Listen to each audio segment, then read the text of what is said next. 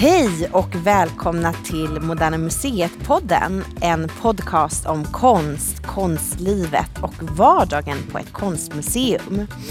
Jag heter Kristin Lundell och är pressekreterare på museet. Och idag så ska vi prata om ett arbete som också ligger i Moderna Museets uppdrag, men vars resultat inte är synligt för de vanliga besökarna. För vid sidan av det publika som hela tiden sker här på museet, det är konsten som syns i våra salar och de olika pedagogiska aktiviteterna som varje vecka äger rum här. Babymålning, guidade visningar, föreläsningar och samtal. Så finns det också andra uppgifter som personalen på Moderna Museet ägnar sig åt. Johanna Holm Norvik, du är depositionsansvarig på Moderna Museet. Vad innebär det? Hej Kristin. Eh, jo, det innebär att jag har hand om eh, våra långtidsutlån ur samlingen. Så att istället för att ha alla konstverk som vi inte kan visa i våra salar eh, hängande i magasin, så, eller liggande i magasin. Så eh, de konstverk som kan tåla att visas någon annanstans försöker vi få ut eh, på jobb. Mm. eh, så att de kan visas på platser både runt om i Sverige, på andra platser i Stockholm och eh, runt om i världen. Men vilka är det som får låna konst av Moderna Museet? Det kan vara olika statliga myndigheter, eh, länsmuseer, eh, länsresidens, alltså där landshövdingarna bor. Eh, det kan också vara våra svenska ambassader och eh, det är regeringskansliet och riksdagen till exempel. Men också ibland små kulturinstitutioner som kan behöva eh, låna ifrån oss. Men måste det vara statliga institutioner eller kan det vara kommunala? Det har varit mer kommunala, men det var nog på den tiden innan de kommunala samlingarna blev så stora som de är idag. Då kunde man låna ut till och med till helt vanliga skolor. Mm, mm. Men de lånen har vi ju avslutat eh, för ganska länge sedan nu. Mm. Så. För i den sal som vi sitter i just nu så finns det två verk som du berättar för mig att de har tidigare hängt hos två ministrar.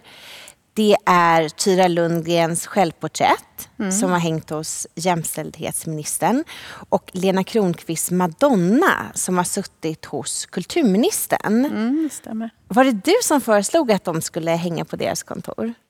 Eh, jag tror det. Ehm, det är ofta en ganska lång process som leder fram till de konstverk som till slut hänger.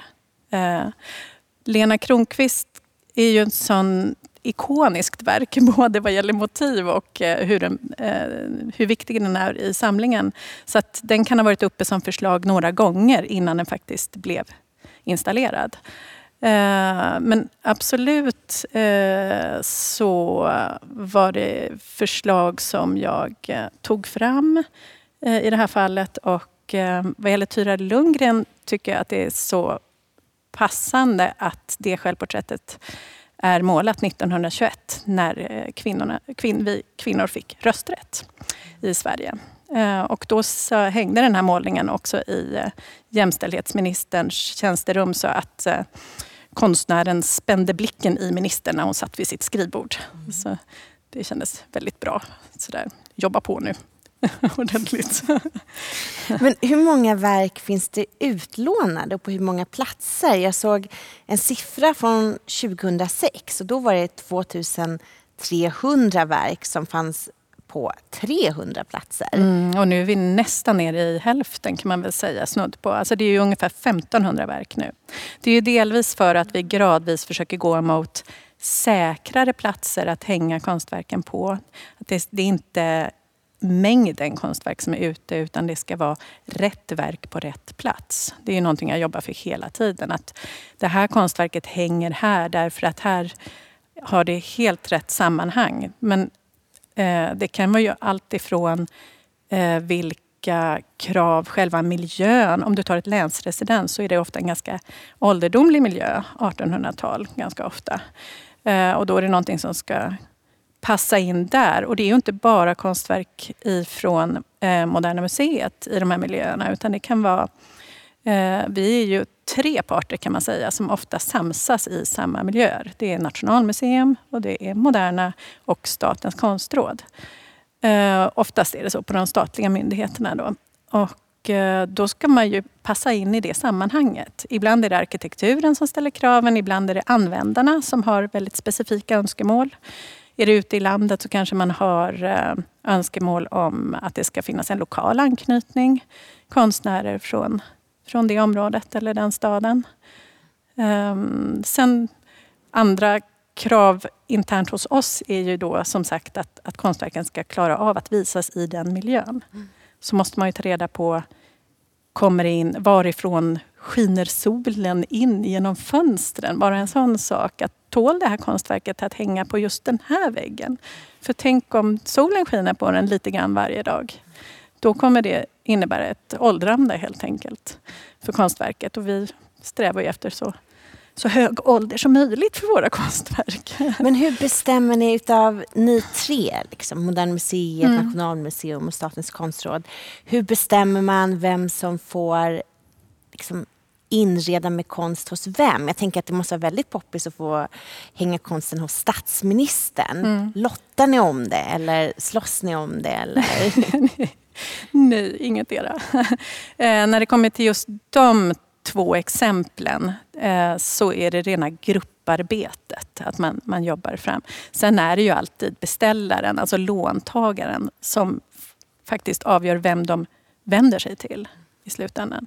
Eh, och ibland kan det hända med ett ministerrum att man testar med konstrådsverk eh, bara. Och sen om det visar sig att det inte funkar och de vill ha någonting helt annat, då kanske de går vidare och så testar de med för, förslag från oss istället. Så, så kan vi hålla Brukar på. Brukar alla tre aktörer vara med i rummet samtidigt? Det är inget fulspel som pågår? Som sagt, ibland kan det hända att ett ärende går först till en part och sen så, så går det över till mig till exempel. Men eh, nej, ja, vad gäller just kulturministern och statsministern så är det ju för oss jätteviktiga rum. Så att där är det alltid samarbete som gäller. Mm. Därför det också är... Mm, dels är det bra att ha många inblickar från olika håll. Alla, alla har, är vi unika och har olika idéer och olika input. Och vi har också olika samlingar att bidra med. Och hos kulturministern till exempel känns det ju jättebra att kunna erbjuda både den äldre konsten, den 1900-talskonsten och det allra mest samtida. Och där brukar ju ofta konstrådet uh, ha det, den färskaste. Mm. Uh, det har ju vi också, men det är ganska svårt att låna ut det för mig. Uh, det allra senast förvärvade, oftast. dels för att det kanske inte är konstverk som det kan, ett tag till exempel så var det väldigt mycket stora verk som förvärvades. De kunde vara väldigt ofta två gånger två meter. Och det är inte alltid det funkar där ute i, i vanliga eh, kontorsrum helt enkelt. Eh, sen kan det också vara väldigt eh, svåra material. Som är, det är svårt att veta hur de åldras. Och då med vår eh, museala blick på det hela så blir det väldigt svårt att bedöma om, om konstverket kommer klara att lånas ut till en sån miljö. Men hur många verk finns det i statsministerns rum till exempel? Är det bara ett konstverk eller är det flera? Ja, men där är det, nu måste jag tänka här. Eh, ett, de flyttar ju runt hela, nästan mm. hela tiden. Så att, eh, men just nu är det väl ungefär, tror jag, tre konstverk. Och där har vi hängt om ganska mycket känns det som. Så att jag kommer knappt ihåg vad det till slut blev. Men eh, eh, ja. Men ministrarna, brukar de vilja hänga om ofta eller får man liksom mandatkonst som sitter under hela mandatperioden? Ja, det ligger väl i allas vårt intresse att man eh, inte ska behöva hänga om allt för ofta. Mm. Förutom hos kulturministern. Eh, för det var ju när Alice Bah Kuhnke var minister som eh, hon hade en idé om att man skulle hänga om åtminstone på en av väggarna, den största väggen i rummet. Mm. Så ofta det bara gick. Och så där vi, det har vi fortsatt med nu också. Det, det, där, där vill man ju kunna visa så mycket som möjligt av den fantastiska konst som vi har i Sverige. Så um, nu är det väl sagt att det ska hänga ett år uh, framöver. Men försöker man att hänga svenska konstnärer eller spelar det ingen roll? Nej men faktiskt eh, hos regeringskansliet och på ambassaderna så är det till 99,9 procent eh, så är det ju svenskt. För man representerar ju ändå Sverige. Så, så det är väl beställningen oftast. Mm. Men finns det någon historisk bakgrund till detta med depositioner? Jo, men det gör det ju verkligen kan man säga. Långt före Moderna Museet fanns så började man med det här. På 1800-talet redan mm. när eh, Nationalmuseum bildades och eh, redan före det så har det ju länge funnits en strävan, ofta politisk strävan, att föra ut eh, den statliga, statligt ägda konsten ut i landet. Um, och uh, det kunde vara till offentliga byggnader runt om i landet. Men också ambassader har väldigt länge haft den här typen av lån. Och eh, även länsresidensen. Mm. Även biskopsgårdar kan faktiskt låna. Mm. Vi har några stycken. Men hur många installationer gör du per år? Ja, det, det beror på om du räknar antal verk eller antal platser. Men eh, ja, svårt. Det kan variera ganska mycket mycket. Vi har ju några som är väldigt ivriga samarbetspartners kan man säga. Mm. Och det är ju regeringskansliet och då är det ju extra mycket när det har varit val och alla är nya på sina poster och vill, vill göra rummet till sitt. Eh, så då är det extra mycket. Eh, och just nu är det väldigt mycket med ambassaderna för att man flyttar väldigt mycket just nu. Um, lämnar gamla byggnader, flyttar in i mm. nya och det ställer ju nya krav på konsten. Så att, um, ja, det är mycket jobb. Så jag har svårt att säga faktiskt någon siffra på det måste jag erkänna. Mm. Ja. Men kan du berätta vilka kunder som du har arbetat med eller är det total diskussion som gäller även efter att verken tagits ner? Alltså pratar man inte vilka man har hängt? Jag tror inte jag skulle här, sitta och lämna ut vad eh, den och den gillar för typ av konst. Det, känns, mm. det blir så privat. Det får de berätta själva om de vill i så mm. fall. Men, eh, men absolut, det är ju ingen hemlighet att vi har konst till exempel på Haga slott i representativa mm. delarna där till exempel. Mm. Och det är ju tack vare att prins Daniel är så intresserad av eh, modern och samtida konst. Mm. Det är ju roligt. Mm. Till exempel. Um, ja. Gör du något jobb nu? Eller är det hemligt? Nej då. Eh, vi kommer ju hänga om hos kulturministern till exempel om ett par dagar. Och så. Vet du vad du ska föreslå? Eller är det någon så spontan grej? Alltså hur gör du när du jobbar? Ja, men då är det ju det här grupparbetet så att säga. Ja. Att vi alla till ett möte på Regeringskansliet tar med oss våra bästa idéer. Och sen så blir det alltid jättespännande att lägga kortet på bordet och se vad alla har med sig och se om vi kan få ihop någonting bra av det. Eh, så det har vi gjort och sen så har vi presenterat det förslaget och då eh, brukar det vara så att eh, de vill att vi bestämmer. Det är inte som att eh, vi följer några slags önskemål eller så, utan de, de litar på, på oss. Mm. så eh, då kommer vi att ha en målning. Men det tror jag att jag lämnar hemligt än så länge, utan det får eh, det kanske kommer märkas på något sätt mm. när vi har hängt om där. Det brukar bli ibland lite medial uppmärksamhet om det. Så att. För det finns ju den här myten om att i alla fall att svenska affärsmän är så himla obildade och ointresserade av konst. Hur är det med politiker? Alltså är de intresserade av konst, våra folkvalda? Alltså man kan ju inte dra alla över en kamp på det sättet. Där, där märker man verkligen att vissa är väldigt pålästa och har en så här specifik önskelista om konstnärer medan andra är lite mer öppna. Mm Vissa gillar 1930-tal eh, till exempel. Eller, mm. ja, eh, andra vill att det, det, som har efterfrågats väldigt mycket de senaste åren är just kvinnor och eh, samtida kvinnor. Mm. Vilket ju verkligen gör att man får let, vara lite kreativ och försöka hitta eh, verk som man kanske... Ja, jag får jobba ganska hårt för att hitta sådana helt enkelt. Har du fått något omöjligt uppdrag någon gång där du inte lyckats hitta det som någon har bett om? Ja, men det har säkert hänt. Och ibland kan man ju inte. Till exempel om man eh, skulle vilja låna verk av Vera Nilsson så är hennes målningar väldigt känsliga så det är väldigt mm. svårt att bevilja. Um, och även... Uh, ja, nej, men det finns andra exempel också på det. Så det hänger ju på att det det är konstverk som... Att det är en konstnär som har gjort många konstverk mm. som jag har hört ett rykte att Göran Persson var väldigt konstintresserad. Kan du bekräfta ryktet? Jo, men eh, precis. Jag hann ju träffa honom också. Har hållit på så länge. Eh, ja, men det stämmer. Han var ju en sån här som verkligen eh, hade, kunde sina konstnärer och gärna Göteborgs kolorister och så, eh, till exempel. Mm. Det, ja, men det är alltid roligt när de är konstintresserade. Eller om man lyckas göra någon konstintresserad, då är det ju fantastiskt. Men, det... Men får man liksom be och låna precis vad som helst? Alltså, eller finns det någon övre värdegräns? Om säger. Skulle man kunna be om att få låna en Picasso till sitt rum? Alltså, man kan alltid be, men, men eh, det händer ju inte så ofta då i och med att det inte är en svensk konstnär till exempel.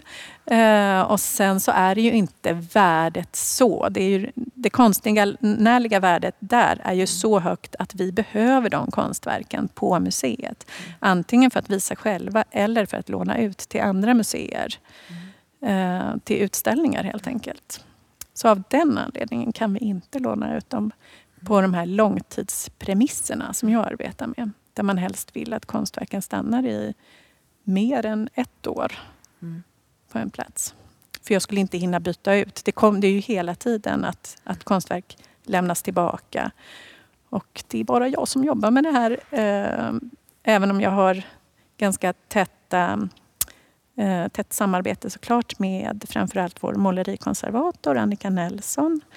Eh, och sen så eh, samlingsansvariga Matilda Olof Fors och eh, eh, Annika Gunnarsson, intendent för teckning och grafik, brukar också vara med på våra möten. Så, men det är mycket med, med konservatorerna att stämma av med och mm. förrådsförvaltare och så. För man läser ju ibland att eh, folk råkar ta med sig konsten hem för att de tror att det är deras egna eller man har haft någonting i sitt arbetsrum så länge. Eller kanske ställer man undan det liksom i, en, i ett förråd för man vet inte att det ja, men tillhör... Det kan ju, framförallt det där att ställa undan i förråd, det är väl det vanligaste. Har du någon gång öppnat ett förråd och sett en, ett verk som står riktigt illa? Ja, jag tror jag vet vad du tänker på. och tack och lov var det ett verk som inte var vårt kan jag säga. Då, utan vi eh, öppnade en städskrubb. Ja. Just det. Precis, och där, inklämt bredvid städvagnen så stod det ett konstverk. Ja. Eh, nej, det var inte vårt. Jag ska inte avslöja vems det var. Men, ja, så du har eh. aldrig behövt åka hem till någon och säga att förresten, den där tavlan du råkade ta hem, det är nej, däremot statlig har jag varit, egendom? Däremot har jag blivit inskickad på enskilda tjänsterum där, där de inte får ha musikkonst hängande ovanför skrivbordet till exempel. För vi vill ju helst att, att rummet ska ha en mötesfunktion. Att det inte bara är en enda person som ser det här konstverket dagligen utan att det faktiskt kommer in besökare i rummet. Ju fler som ser konstverket desto bättre. Eh, så jag har varit med om att jag blivit inskickad i ett tjänsterum för att hämta ett konstverk som ska hänga lite mer offentligt. Eh, så. Men hur länge har du jobbat på Moderna Museet? Jag kom hit 2002. Mm. Eh, så. Ehm, och då var det för att arbeta med teckning och grafik. Mm. Ehm, och gå igenom en stor donation mm. av Endre Nemers eh, konst. Mm.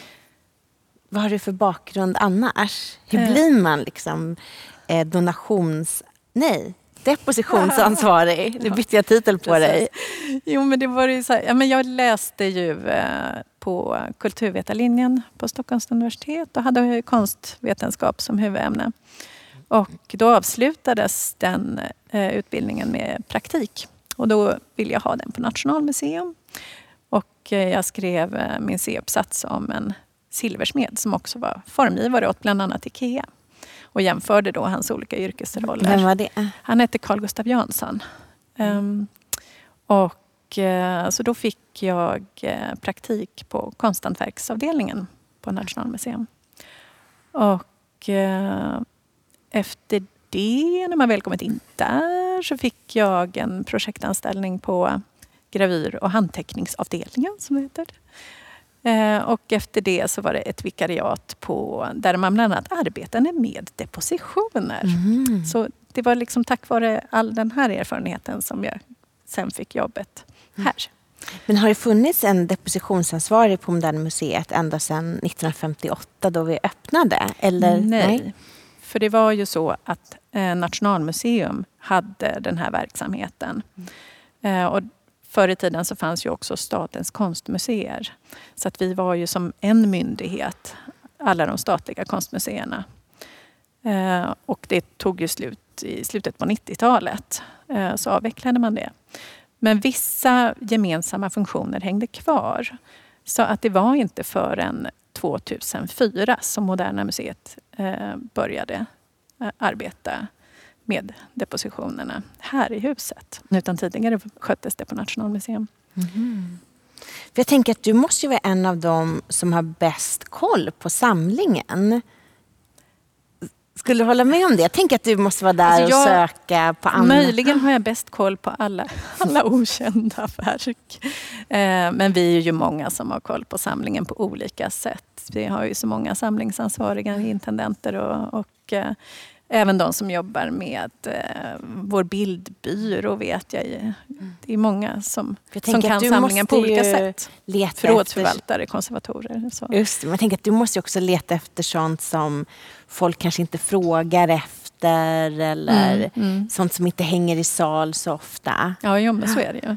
Så att, uh, ja. Hur många procent av samlingen har du koll på, tror du? Mm. Måleriet har jag nog ganska bra koll på fotografi väldigt lite därför att det, det, är väldigt svårt för mig att låna ut fotografi. Jag har väl färre än tio, ungefär max tio fotografier som är deponerade. Just nu? Ja, just nu. Ja.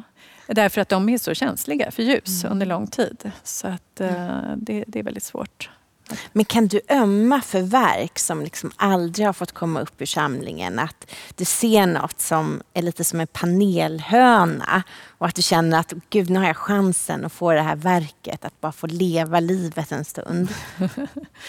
eh, jo, men det är alltid roligt. Eh, jag kan ju ha vissa favoriter som jag tänker att den där, den där vill jag verkligen någon gång. Den, den är för bra för att hänga i magasin, den måste bara upp. Men det kan vara svårt ibland om den är, om den är två gånger tre meter till exempel. Då gäller det verkligen att hitta rätt plats för den. Så att, eh, ja, så kan det vara. Men måste man också när du då föreslår konst till utlandet och liksom ambassader och kanske residens i utlandet. Måste du anpassa dig till det landets kultur?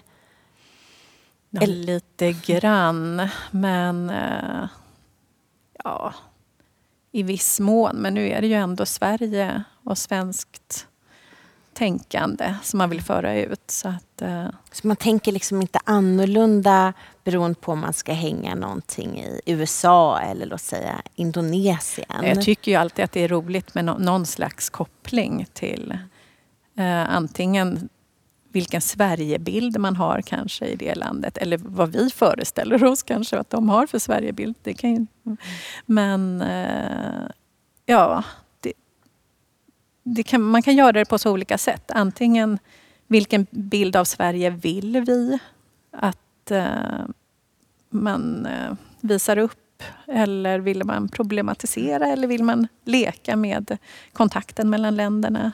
Vi har till exempel en eh, Jens Fänge-målning. Eh, med den här eh, Alfred E. Neumann, heter han väl, den här Mad-killen. Han som alltid var på omslaget av Mad. Mm, mm. vi har en målning där man ser den killen bakifrån. Eh, och det tänker jag skulle ju vara jätteroligt att visa till exempel på, i Washington eller något mm. sånt. Så att, eh, sådana där idéer går jag och fnular på. Vilken plats har varit liksom längst bort, rent geografiskt, som du har varit med och installerat konst i? Hur långt bort har du rest? Ja, det här resandet har väl tilltagit också de senaste åren. Jag reste väl inte lika mycket förut, men nu har det blivit mer och mer som sagt. Eh, ja, längst bort. Nu blir det ju som sagt faktiskt Washington för första gången eh, om ett par veckor. Men, eh, så det blir den längsta då. Men annars är det ju mycket i Europa faktiskt. Det verkar ju eh. rätt krångligt. Och... Man reser ju inte liksom, även om jag har jättemycket tankar om vad, hur det är i Peking till exempel så är det inte så att jag spontant reser iväg dit. Eh, så. Men eh, jag har idéer för Peking, men eh, de får vänta. De får av sig. Tills, till ett tillfälle. Men hur gör man då när man ska installera utomlands? För det är mycket krångligare som konsten mm. måste transporteras. Så mm. man kan väl inte ha med sig ett antal objekt att väl, välja Nej. mellan, utan då måste det väl vara Nej, så klart. är det ju. Ja, men så är det ju. Ja. Vad gör man då? Man, man vill kom... inte behöva skicka hem någonting som man mm. väl har fått dit. För det, de här transporterna är väldigt dyra också. Så, nej, Vad gör man då om man kommer fram och någonting inte passar riktigt lika bra som man trodde? Nej, Blundar man, man för alltid, det? Nej, men man får alltid man får lösa det. Man kan alltid hitta någon vrå där man kan hänga det. det ordnar sig. ja. Men kan man då önska vad man ska ha till exempel i sitt residens eller är det ofint? Nej, men, nej, det är väl bara bra om man vill visa på något konstintresse. Eh, sen är det inget tvång på något sätt. Jag blir jätteglad när vi får fria händer också. Men eh, eh man får absolut önska. Men ärligt talat, vad är roligast? När man får bestämma själv eller när någon har åsikter? Nej, men jag, ja, eh, jag kan ju tycka att det är ganska kul att ha någon slags dialog om det faktiskt. Ehm, det är nog det roligaste faktiskt. Att, att man kommer fram gemensamt till någonting ehm, bra. Mm.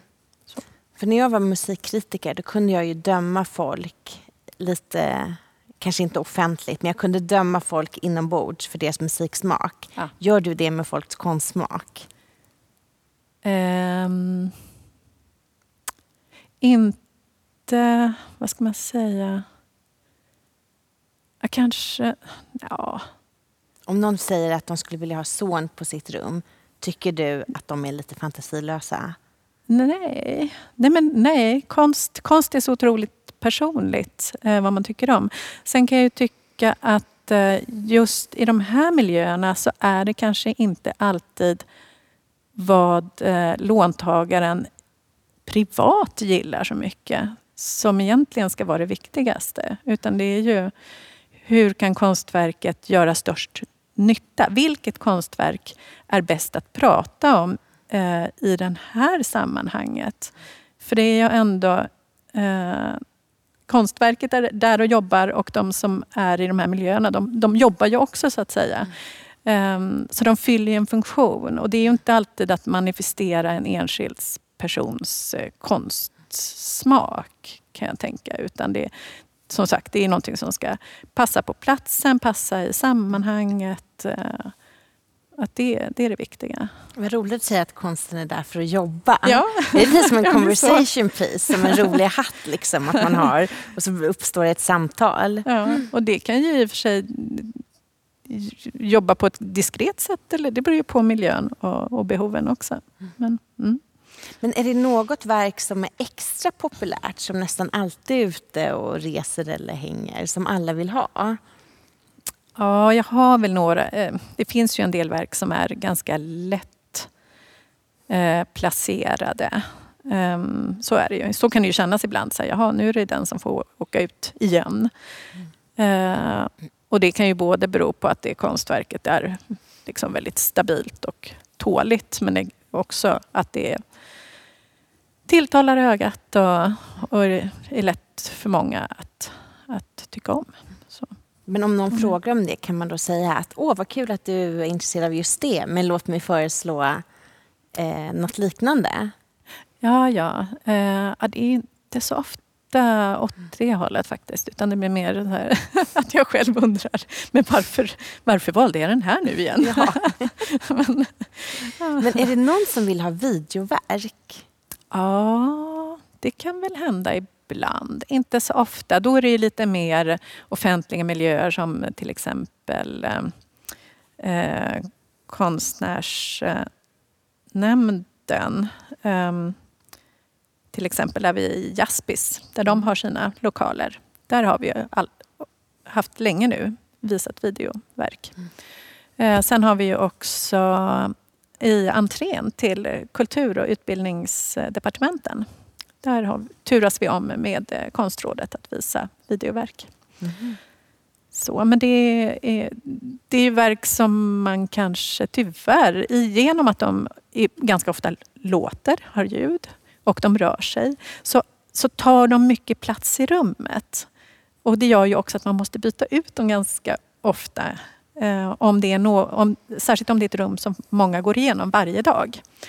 Så, så kan folk bli rätt trötta på det till slut. Så att, mm. Eh, det gäller ju att man har tid då att eh, byta ut det mm. tillräckligt ofta. Så det ställer ganska höga krav faktiskt på... Jag kan väl ofta känna att det finns... Att det är svårt att räcka till för allt som, som behöver göras inom den här verksamheten. Eh, både att se till att konstverken som är ute har det bra, det som behöver bytas ut, att vi hinner byta ut det och att nya verk ska ut. Och, och sen rätt vad det är, är det någon som vill lämna tillbaka något. Så det, väl, det, det händer väldigt mycket hela tiden. Eh, har du någonsin placerat ett performanceverk hos någon? Nej, men det skulle väl vara roligt. Skulle det ens gå? ja, då blir det ju inte ett långtidslån. Eller om, de är, om vi inte utbildar personalen i att framföra det här då, möjligen. Eh, ja, men det är väl en utmaning. Det är något att klura på för framtiden. Men när du installerar till exempel ett diplomatresidens, har du varit där och tittat innan då och mätt och Ja, det blir, det, det, är ju både, det blir ju både bäst och lättast att arbeta på det sättet. Även om det inte är bra för miljön att resa för varje ärende så, så är det ju tyvärr så att har man sett en plats och kunnat, kunnat knacka i väggarna och, och undersöka lite grann miljön. Varför knackar du i väggarna? För att se vad det håller för? Ärligt talat så kommer jag inte alltid ihåg att knacka i väggarna. Men då står man där efteråt och så här, oj, oj, oj, vad var det nu för eh, märkliga väggar vi ska hänga i? Vad är det, för, vad är det som behövs? Det är så mycket jag ska tänka på. Det är allt från det praktiska, hur det ska hänga, hängas upp sen. Och, och eh, så det, det, är mycket man ska tänka på. Det är inte bara Men visuellt. är det rent faktiskt du som borrar? Nej, Nej. Det, gör, det, kan jag tyvärr inte göra. Eh, där vill jag ha någon som är riktigt proffsig så att det faktiskt håller att mm. hänga i några år. Så nej. Men för du är ju väldigt van då vid att föreslå konst för andra. Hur ska man tänka när man till exempel då köper konst till någon som fyller år eller tar studenten eller något? Finns det några knep liksom, ska man ta någonting som är jätteplain, som alla kan gilla, mainstream, eller ska man ta någonting mer extremt som man tror och gissar att den personen gillar? Men då tänker jag så här, skulle det inte vara trevligare då eh, att ge en dag tillsammans och gå på en gallerirunda och att personen själv får välja? För, för mig är konst otroligt personligt när det gäller privat och vad, vad man faktiskt äger själv. Och, så. Jag tycker att det är jättesvårt att välja åt någon annan eh, om det är något som man ska äga. Eh, just vad gäller långtidslånen, då, då är det ju bättre att välja konstverk som pass, är rätt i miljön och eh, för ändamålet än att det ska vara eh, det perfekta konstverket för en enda viss person. Eh, så, så kan jag tycka. Mm. Vi har ju varit inne lite på det här med att det är olika förutsättningar för konst när du är i museer, lokaler där allting är väldigt kontrollerat med luftfuktighet och temperatur. Finns det något sätt som du kan kontrollera det när du har lånat ut verken? Att man, att man inte brassar på liksom med värmen på vintern och sen blir det plötsligt jättetorrt på sommaren. Eller kanske på vintern är torrt. Men finns det något sätt som du kan kontrollera att verken sköts när de lämnar din hand? Ja, man får ju um, räkna med att uh, byg byggnaden har vissa um, premisser eller ja, föruts ger vissa förutsättningar uh, Eh, och att de inte förändras. Och om det skulle förändras på något vis, klimat och så, att de som lånar hör av sig och berättar det. Men visst, nej, det är ju svårt. Men därför eh, försöker vi också resa runt och eh, inventera med jämna mellanrum. Nu hinner man ju inte jättemånga per år, men åtminstone göra en resa per år. Till exempel att vår målerikonservator och jag reser runt. Vi åkte, reste runt i Skåne häromåret, det var förra året tror jag. Eh, och även när vi är eh, ändå ute på andra tjänsteresor så kan man passa på att gå till ambassaden i det landet och eh, spana in att allting ser okej ut. Så att till exempel så var Annika i New York i år. Så då passade hon på att se hur våra målningar mådde. Där. Kommer man oanmäld då? Eller? eh, nej, det är lite svårt. Ja. De måste ju ha tid att ta emot den också. Nej, det är, nej. men eh, nej. Och det är inte som att folk börjar så slita fram konstverk ur garderoben. Och spikar upp på... I all hast. ja, nej då. Eh, nej, så, så illa är det inte. Men. men om det är ett ställe där man inte det kanske är stora temperaturskillnader. Jag tänker att Ryssland måste vara svårt för där är ju väldiga temperaturskillnader skillnader om man tar, liksom, jämför sommar och vinter. Mm. Är det säkrast att kanske ställa dit en skulptur? Mm. Vad är tåligast för sådana där extrema vädertemperaturer? Ja, um, det beror ju lite på. Även skulpturer kan ju vara gjorda av olika material. Eh, men eh, Ja, helst vill man ju ha så långsamma förändringar som möjligt i klimatet. Ehm, men, och det hänger ju också mycket på vad det är för typ av byggnad. Bara för att det är på ett sätt utanför huset så hoppas man ju att det bättre inuti huset. Så att vi försöker få folk att förstå att man inte ska öppna fönster hur som helst och hålla på och vädra hejvilt eh, året runt. Och så. Tvingar du folk lånar... att sitta och frysa i konferensrummen för att hålla konsten nöjd? Eh, nej då. Nej, men huvudsaken är att det är så stabilt som möjligt. Eh, helt enkelt.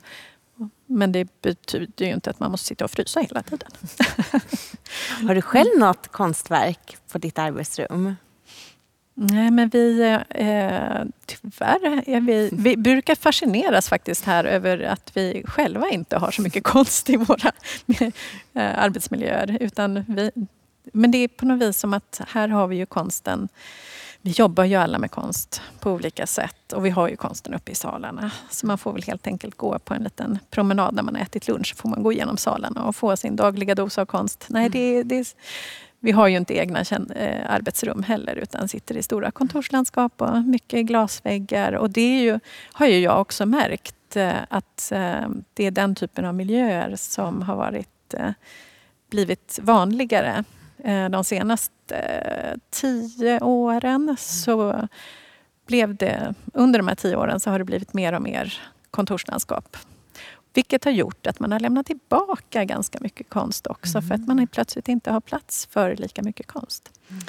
Mm. Men sen finns det de som säger att oroa dig inte, det kommer slå tillbaka åt andra hållet. Eh, plötsligt kommer alla vilja ha eh, arbetsrum mm. igen. Och så. så vi får se. Mm. Vad ska du göra resten av dagen? Nu är det måndag. Ah, Ny eh, vecka. Ja, jag håller på och pratar med min kollega på Nationalmuseum. Eh, vi samarbetar ju jättemycket i olika miljöer och nu är hon på väg ner till Malmö. Eh, så jag ska försöka fortsätta prata med henne om allt vi håller på med. Ehm, så, är ni ett stort skrå, ni depositionsansvariga?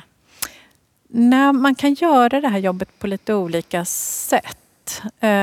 Så att eh, Sara och jag, Sara eh, Bernersjö på Nationalmuseum, vi är ju med och väljer konstverk. Eh, sen finns det på andra stora museer runt om i Norden till exempel så kan det vara så att det är en person som sköter transporter och avtal och så. Det gör ju Sara och jag också. Men, men att det är någon intendent som, som väljer konsten. Eller för. Vi tycker ju att det är ganska praktiskt att vi har helhetsblicken. För att vi har ju också så, den här kontakten med eh, låntagarna. Så att vi vid det här laget vet vi vad som är ganska bra att föreslå av en mängd olika anledningar. Eh, så det är liksom helt andra urvalskriterier än när man jobbar uppe i sal mm. Eh, på ett museum. Vi, vi tänker på helt andra saker. så, Brukar ni ha branschträffar med era internationella kollegor? Eh, de som jobbar med transporter och avtal och så, där, där finns det ett där träffas man till exempel i nordiskt sammanhang varannat år och i europeiskt sammanhang eh, också varannat år. Ehm, men eh, just eh, den här urvalsbiten, hur, hur, väljer man konst? Där har vi inget nätverk. Jag känner till någon enstaka kollega, en i Danmark till exempel. Men det, vi har liksom inte tid att träffas regelbundet. Men det känns tryggt att veta att de finns där ute. Men eh, det är alltid spännande att prata med andra som mm. jobbar med samma sak. Absolut, mm. det är kul.